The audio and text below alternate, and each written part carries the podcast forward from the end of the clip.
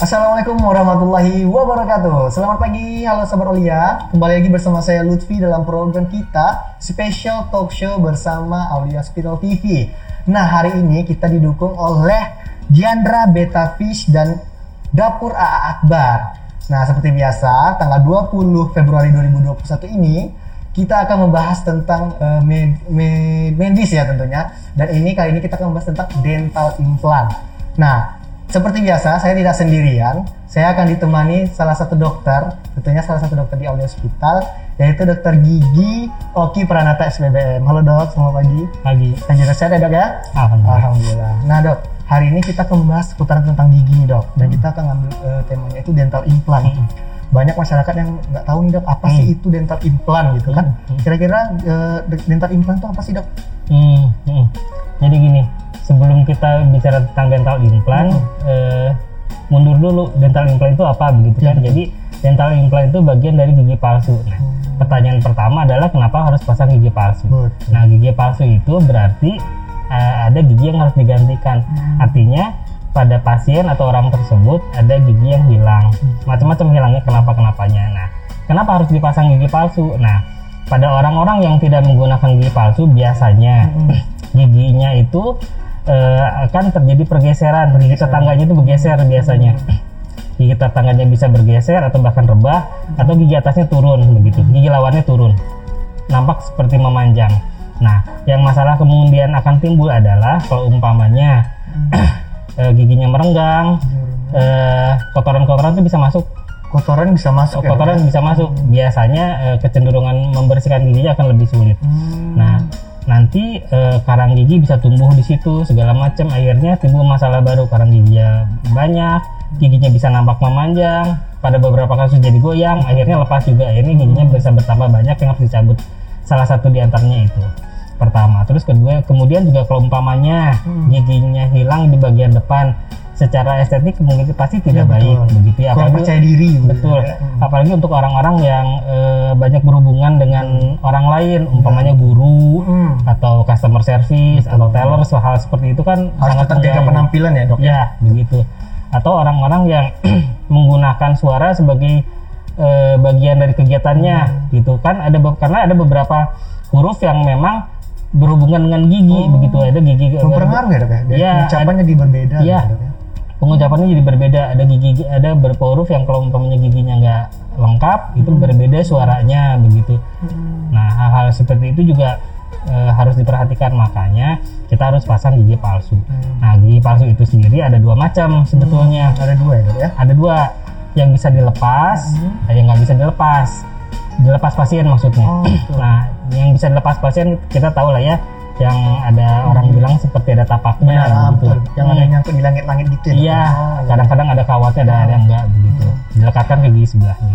Yang nggak bisa dilepas, salah satunya adalah implan. Implan. Oh. Salah satunya implan begitu. Nah, eh, salah di di antara eh, sebelum jadi implan ini sebetulnya ada juga sih yang nggak bisa dilepas. Eh, macam-macam juga betul bentuk-bentuknya. Jadi dia dilekatkan ke gigi sebelahnya umpamanya begitu ya. Ada berbagai cara juga ya? Iya, ada caranya macam-macam. Nah, yang dilekatkan gigi sebelahnya kita biasa sebutnya crown and bridge Crown begitu. and bridge. Nah, gigi sebelahnya itu dikecilkan, kemudian dipasangkan penyangga untuk gigi eh, yang hilang Itu begitu. ada eh, tergantung kondisi apa gitu dilakukan? Oh iya, ha, kalau umpamanya, nah kalau umpamanya crown and bridge itu Hmm. berarti giginya harus ada gigi tetangganya, jadi harus ada penyangganya kan kayak eh, jembatan. Jembat. Oh, jembatan kan iya, ada iya. ujung Oh, sama ada- ujung betul, gitu kan. Nah, gitu, dok, ya. Nah, itu dan kekurangannya itu nanti eh, giginya kan dikecilkan. Begitu ya nanti ada segala macam segala macam lah begitulah. Nah, nah, akhirnya muncul kenapa akhirnya ada dental implant. Dental implant itu kelebihannya adalah dia tidak mengganggu gigi sebelahnya. Jadi gigi kalau umpamanya giginya dicabut, Betul. gigi sebelah sebelahnya kalau mau pakai bridge kan tadi dikurang-kurangin ya enggak Hmm, betul. untuk masang mahkota. Nah kalau pakai implan Iya. kita nggak ngurangin gigi sebelahnya, Oh, begitu. tidak berpengaruh sama gigi nggak sebelahnya. dok, nggak ya? pengaruh sama gigi sebelahnya jadi kasar kasarnya gitu kasar kasarnya begini kalau kita bayangkan kita nyabut gigi Hmm, berarti giginya kita keluarkan Betul. ya nah kalau umpamanya dental implant Hmm. pakai sang implant itu kebalikannya giginya yang kita masukkan Oh giginya yang kita ah, masukkan. ah, secara kasar begitulah kira-kira Hmm. gigi begitu jadi nanti kalau umpamanya gigi biasa kita cabut akarnya kita keluar nah kalau umpamanya implan kita ganti dengan akar dari yang namanya implan tadi begitu nah dari situ keuntungannya adalah eh, pasien tentu akan lebih nyaman Betul. ya enggak karena kan nggak ada langit-langitnya Hmm. nggak ada tapak-tapaknya itu ya, nggak ya, terganggu kenyamanan Nah, jadi ngomong segala macam kalau ada tapak-tapaknya itu pada beberapa huruf kayak punya huruf R huruf S itu juga susah biasanya mereka tuh V, F gitu ya ya? ya ada beberapa yang paling sering itu huruf R S sama R. R Tuh, untuk untuk R ya? sih, R karena di, langit. ya di atas itu kan kita ada garis-garis gitu loh di Oh, langit-langit betul. Nah, itu tuh untuk kita bisa ngomong huruf R Oh, jadi sebetulnya itu pengaruhnya untuk untuk F tuh di langit-langit ya? Iya, dia kan ada kayak garis-garis gitu ya. Oh. Kalau bahasa medisnya ruge, Oh. ruge palatina. Begitu makanya kalau punya orang pasang gigi palsu yang besar begitu, kadang-kadang untuk pertama-pertama susah ngomong ngurus Terganggu R. ya, dok, ya? Nah, begitu. Saya Nah, baru tahu nih dok, rupanya R itu harus di langit-langit yang yang belum iya, yang itu ya, heeh, belum yang kasar ya, itu Dok, di ya? langit-langit. Oh, gitu. Nah, kalau pakai implan umpamanya gigi atas, Hmm. dia nggak akan kan cuma pa- ya. heeh, kan cuma pasang giginya aja, jadi nggak terganggu. Hmm. Terus eh, keuntungannya lagi kalau pasang implan perawatan sehari-harinya lebih mudah karena sama seperti kita sikat gigi Seperti seperti, kita biasa. biasa, ya. iya, karena persis aja kayak gigi biasa begitu. Sikat gigi seperti Betul, betul. biasa, makan minum juga tidak terganggu begitu. Kalau yang di langit-langit itu kan kita buka dulu, Iya. kan digosok dulu, Iya. ribet ya dok ya. Iya, eh, tertutup kan gusi apa langit-langitnya tertutup. Kalau di bawah bo- apa gusi bawah juga tertutup. Pada beberapa kasus makan juga katanya kurang nyaman karena memang tertutup. Begitu kalau itu kan enggak. Begitu. betul Di Terus dok, kira-kira dok itu prosesnya nih, kalau misalnya ada orang yang mau implan gitu, Mm-mm. panjang nggak sih dok proses untuk bisa ngimplan eh, gigi? Masang. Oh, oh. ya jadi prosesnya itu tetap ada prosesnya. Jadi kita harus pastikan dulu pertama dari keadaan umum pasien, keadaan umum pasien. Ada syarat-syaratnya berarti dok ya? Iya, dari umur juga umpamanya. Hmm. Kalau umur eh, masih masa-masa pertumbuhan atau belum sampai masa pertumbuhan sebaiknya tidak dilakukan. Hmm, Begitu karena kan dia sifatnya menetap. menetap Ya. Nanti kalau umpamanya umpamanya umurnya baru eh, 14 tahun lah katakan. Kita pasang implan. Kita harapkan dipasang kan di tulangnya kan? Betul. Nanti umur sampai 17 tahun kan rahang dia masih berkembang. Iya ya. Nah, nanti Tertutup perkembangannya jadinya dok. Eh, nggak nggak tertutup tapi jadinya giginya jadi kayak renggang gitu loh. Jadi kan giginya tetap di situ tidak bergerak ke mana-mana sementara rahang kan ber- ber- bertambah lebar gitu. makanya kalau umpamanya usianya belum sampai masa pertumbuhan sebaiknya tidak. Jadi umur di atas 18 tahun lah kalau mau pasang implan begitu Jadi normalnya kalau pertumbuhan gigi itu di umur berapa tuh? Sebenarnya kalau untuk perkembangan gigi itu masih berlangsung gitu. sama sama sama sama kayak badan Oh, sama oh, Oh, ngikutin sama. Jadi kalau umpamanya pasang implan, ukurannya adalah tulang rahangnya. Tulang rahang. Kalau umpamanya umur 18 tahun ke atas kan pertumbuhan tulang sudah berhenti, eh, Hmm. tu- tubuh kan diharapkan sudah berhenti lah, gitu ya perkirakannya. Makanya umur 18 tahun ke atas baru boleh. Terus keadaan umum pasien umpamanya ada sakit gula, ada sakit-sakit yang lain itu juga harus diperhatikan. Hmm. Diperhatikan, Iya, karena kalau misalnya sakit gula umpamanya dia eh, kecenderungan tulang itu menyusut. Betul betul. begitu tulang gusi. Nah kecenderungan menyusut jadi biasanya tingkat kegagalannya pun meningkat bukan karena apa-apa tapi karena badannya juga begitu begitu begitu jadi kalau dipasang ya malah kasihan kalau umpamanya hasilnya nggak bagus Iya betul. Gitu, tetap Dok. diperhatikan hal Iya, yang bisa ya dok ya. untuk awal-awalnya ya seperti itu screening awalnya Heeh, karena kebanyakan orang tua ya pengennya bergaya ya langsung aja deh nggak ada tanpa Mm-mm. memikirkan ini segala macam. Ya soalnya beresiko untuk dia gitu kan. iya screening awalnya harus tepat Berarti harus screening juga berarti dok ya. iya harus pasti dulu bisa apa enggak kondisi badannya kayak gimana gitu nggak nggak boleh asal pasang dulu Sejauh ini dok, eh, dokter pernah nanganin pasien nih yang Hmm. implan. Kebanyakan eh, umur berapa sih dok? Kalau yang dokter tangani orang tua ya dok ya? Atau Eh, anak-anak muda juga enggak banyak, sih, Dok? enggak umur umur dua di atas 20 sih pasti Oh, 20 banyak ya, sampai terumur 50 sekian lah gitu. Hmm. Terus dok untuk menjaga dok biar tidak eh, sebenarnya implan ini salah satu alternatif untuk menjaga eh, mengganti atau mengobati eh, gigi-gigi yang bermasalah gitu. Hmm. Kira-kira eh, apa sih dok yang membuat gigi kita tuh bisa bermasalah sa- sehingga kita harus implan gitu kan dok? Kenapa gitu dok? Apakah salah makan atau makan ini harus dihindari atau gimana gitu dok? Kalau bermasalahnya sehingga harus pasang implan itu berarti giginya kan udah dicabut ya. Oh. Heeh. Pasang implan itu kan giginya harus dihilang dulu dicabut dulu kalau nggak ada kalau giginya masih ada nggak mungkin pasang implan Oh, kan berarti karena dicabut gigi, karena dia tidak ada pertumbuhan lagi, makanya kita Iya. implan, jadi implan gitu. implan itu kan gigi palsu palsu. Ah, jadi makanya pasang implan untuk menggantikan gigi yang hilang Oke. Oh, gitu. Hmm. Wah, gini nih dok, ada satu pertanyaan nih yang mungkin sering sekali kita dengar ya Ah, dok ya. ah. Kira-kira dok, kan nih pasang implan yang gigi palsu ya dok ya. Ah, ah. Kalau misalnya pasien itu meninggal, hmm. Apakah gigi implannya itu harus dicabut dok? Hmm. Tapi tahan dulu dok. Hmm. Kita akan jawab pertanyaan ini setelah jeda berikut ini. Jangan ke mana-mana, terus saksikan di Oleh seperti itu. Iya sahabat Olia, kita kembali lagi untuk menjawab pertanyaan tadi dok. Iya, Hmm. kira-kira dok kalau orang meninggal, Hmm. apakah gigi implannya harus dicabut dok? Iya, jadi eh, sebetulnya masih jadi kontroversi. Secara Hmm. umum masih jadi kontroversi. Tapi secara umum juga eh, banyak ulama yang menyatakan bahwa selama itu menjadi bagian dari pengobatan itu nggak perlu dicabut. Artinya begini kira-kira begitu analoginya seperti ini. Kalau umpamanya orang kakinya patah dipasang plat begitu. Hmm, betul. Pada saat dia meninggal kan nggak harus dicabut lagi platnya di kakinya gitu ya. Nah sama juga seperti gitu kan implan gigi itu bagian dari pengobatan supaya dia bisa makan terutama gitu ya mem- memperbaiki fungsi pengunyahan, Hmm. mempe- memperbaiki fungsi bicara begitu.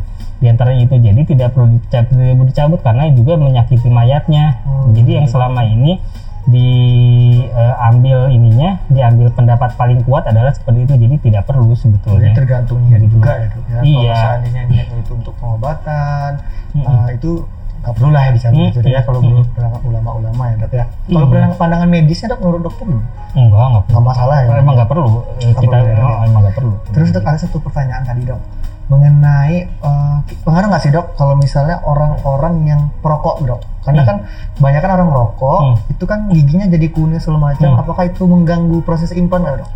Perokok itu bukan mengganggu bukan eh, jadi kuning betul gitu ya. Kalau kuning itu kan bagian lain dari eh, asapnya segala macam lagi gitu ya. Nah, tapi yang jadi masalah pada implan itu pada saat pembuatannya. Jadi pada saat kita masuk eh, kita pemasangan proses masang implan itu Iya betul.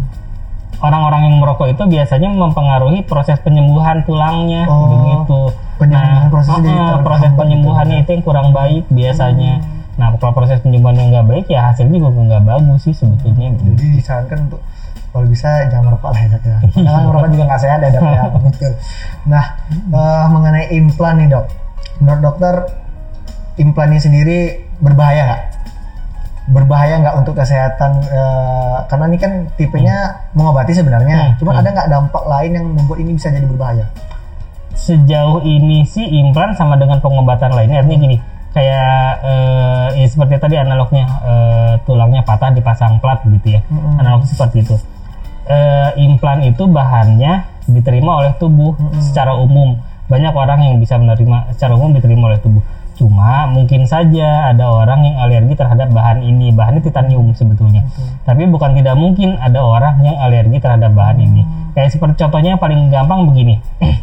kalau kita lihat ada ibu-ibu yang kalau umpamanya pakai cincin harus emas. Oh betul. Nah, kalau umpamanya nggak pakai emas, Kangennya ada langsung gatal-gatal gitu ya, begitu. ya, betul. Nah, begitu. Nah, bisa juga ada orang-orang yang seperti orang itu. tertentu juga gitu ya. Iya, nah kalau umpamanya orang-orang alergi eh, yang seperti itu ya jelas nggak bisa. Jadi harus eh, penting juga untuk di screening dulu Hmm, sebelum ini dan kalau bisa jangan sampai ada yang ditutup-tutupi gitu. Hmm, ya. Dok. hmm. Kadang kan pas di screening ditanya ini segala macam nggak ada nggak ada rupanya nanti Hmm. pas dipasang rupanya terjadi indikasi segala Hmm, macam gitu hmm, ya. hmm, Terus, hmm, Dok. Terus dok kalau misalnya dok Hmm. eh, kita mau masang implan Hmm. kan banyak tuh dok di pinggir-pinggir jalan sekarang yang kayak tukang gigi Hmm. yang kayak gitu yang cuma mengandalkan sertifikat Hmm. itu kira-kira menurut dokter baik Oh, nggak sih? Beda lagi kalau tukang gigi dia nggak pasang Nggak mau dia, nggak Nggak. Jadi gini, yang se- yang selama ini saya ikutin Hmm. gitu ya, yang selama ini saya ikutin dan selama ini saya tahu, mereka pertama tidak pasang implan. Hmm. Kedua, mereka kan eh, kalau nggak salah, tapi saya juga nggak tahu nanti kalau saya salah, mohon maaf. Yang saya lihat selama ini giginya langsung dipasang.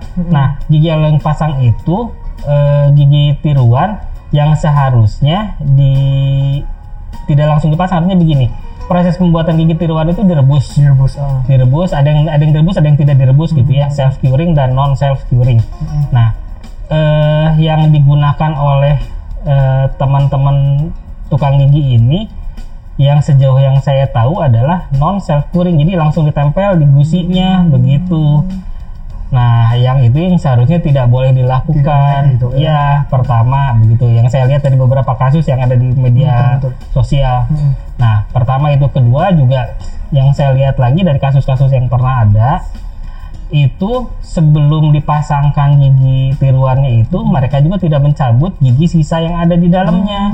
Itu juga bahaya. Bahaya ya dok ya. Iya, nanti kan namanya juga gigi sudah Betul. eh, jelek, sudah rusak, berarti Nggak kalau dicabut segala gitu. macam iya. Malah jadi bermasalah yang ada ya dok ya. Jadi sebelum pasang gigi palsu kan harus dipastikan dulu giginya sudah hilang apa belum, ada kerusakan tulang apa enggak segala macam. Nah itu yang tidak dilakukan itu makanya bahaya. Jadi, ber- jadi berbahaya deh dok ya. Nah itu sahabat Olia makanya lebih baik kalau misalnya ini mengenai gigi segala macam lebih baik langsung ke rumah sakit dan dokternya langsung menangannya itu spesialis. Jadi keamanannya lebih terjaga ya dok ya. Iya. Dan juga walaupun harganya mungkin tidak sebanding tapi hal yang akan kalian dapat juga bakal lebih baik lagi ya dok ya. Nah, mungkin eh, ada lagi dok, mungkin pesan-pesan dokter nih sebagai dokter gigi kepada masyarakat di sana, gimana sih eh, yang harus kalian jaga tentang gigi atau kesimpulan dari dokter gimana? Iya, jadi eh, yang terpenting adalah kita menjaga kesehatan gigi dan mulut. Yang paling gampang dan sebetulnya sudah kita lakukan sejak awal, sejak dulu, sejak kita kecil, sikat gigi secara rutin. Sikat gigi secara rutin, jaga kesehatan mulut. Sikat giginya seperti apa? Dari atas, eh, kalau gigi atas dari atas ke bawah, dari bawah bawah ke atas, begitu ya. Pola sikat giginya seperti itu. Kalau makan makanan manis atau lengket-lengket, jangan lupa sikat gigi lagi. Seperti hal-hal yang pasti eh, orang tua kita pernah lakukan lah, pernah kita pernah diajarkan Diajarkan. kepada kita dan mungkin juga kita ngajarkan kepada anak. Betul. Iya itu yang harus kita lakukan sebetulnya. Insya Allah terjaga lah dari hal-hal seperti itu. Menjaga hal sepele untuk hasil yang Iya, luar biasa. sekali ya. banget sebetulnya. Cuma ya nanti efeknya panjang lah ya kalau umpamanya tadi ternyata jadi berlubang, Hmm. ternyata giginya jadi rusak, ternyata harus dicabut. Dicabut juga belum selesai kan ternyata masalahnya. Nah, itu juga harus kita pikirkan juga. Makanya dia dari hal sepele lah kita lakukan. Sepele jadi hal luar biasa dok ya. Oke, oke mungkin itu aja hari ini. Gak terasa udah hampir setengah jam lewat kita ngobrol-ngobrol nih dok. Banyak ilmu yang disampaikan oleh dokter Rocky. Terima kasih banyak atas waktunya dok ya. Semoga bermanfaat kita semua dan yang tahu, yang tidak tahu menjadi tahu, yang kurang tahu menjadi lebih tahu lagi. Amin. Oke mungkin itu aja. Terus follow segala akun media sosial Aldi Hospital, baik Instagram, Facebook, YouTube, semuanya harus di follow karena bakal banyak informasi-informasi yang akan kami sampaikan di sana. Yang mana-mana harus saksikan kami di episode-episode berikutnya. Oke, saya sebagai MC pamit undur diri. Apabila ada kesalahan saya mohon maaf. Assalamualaikum warahmatullahi wabarakatuh.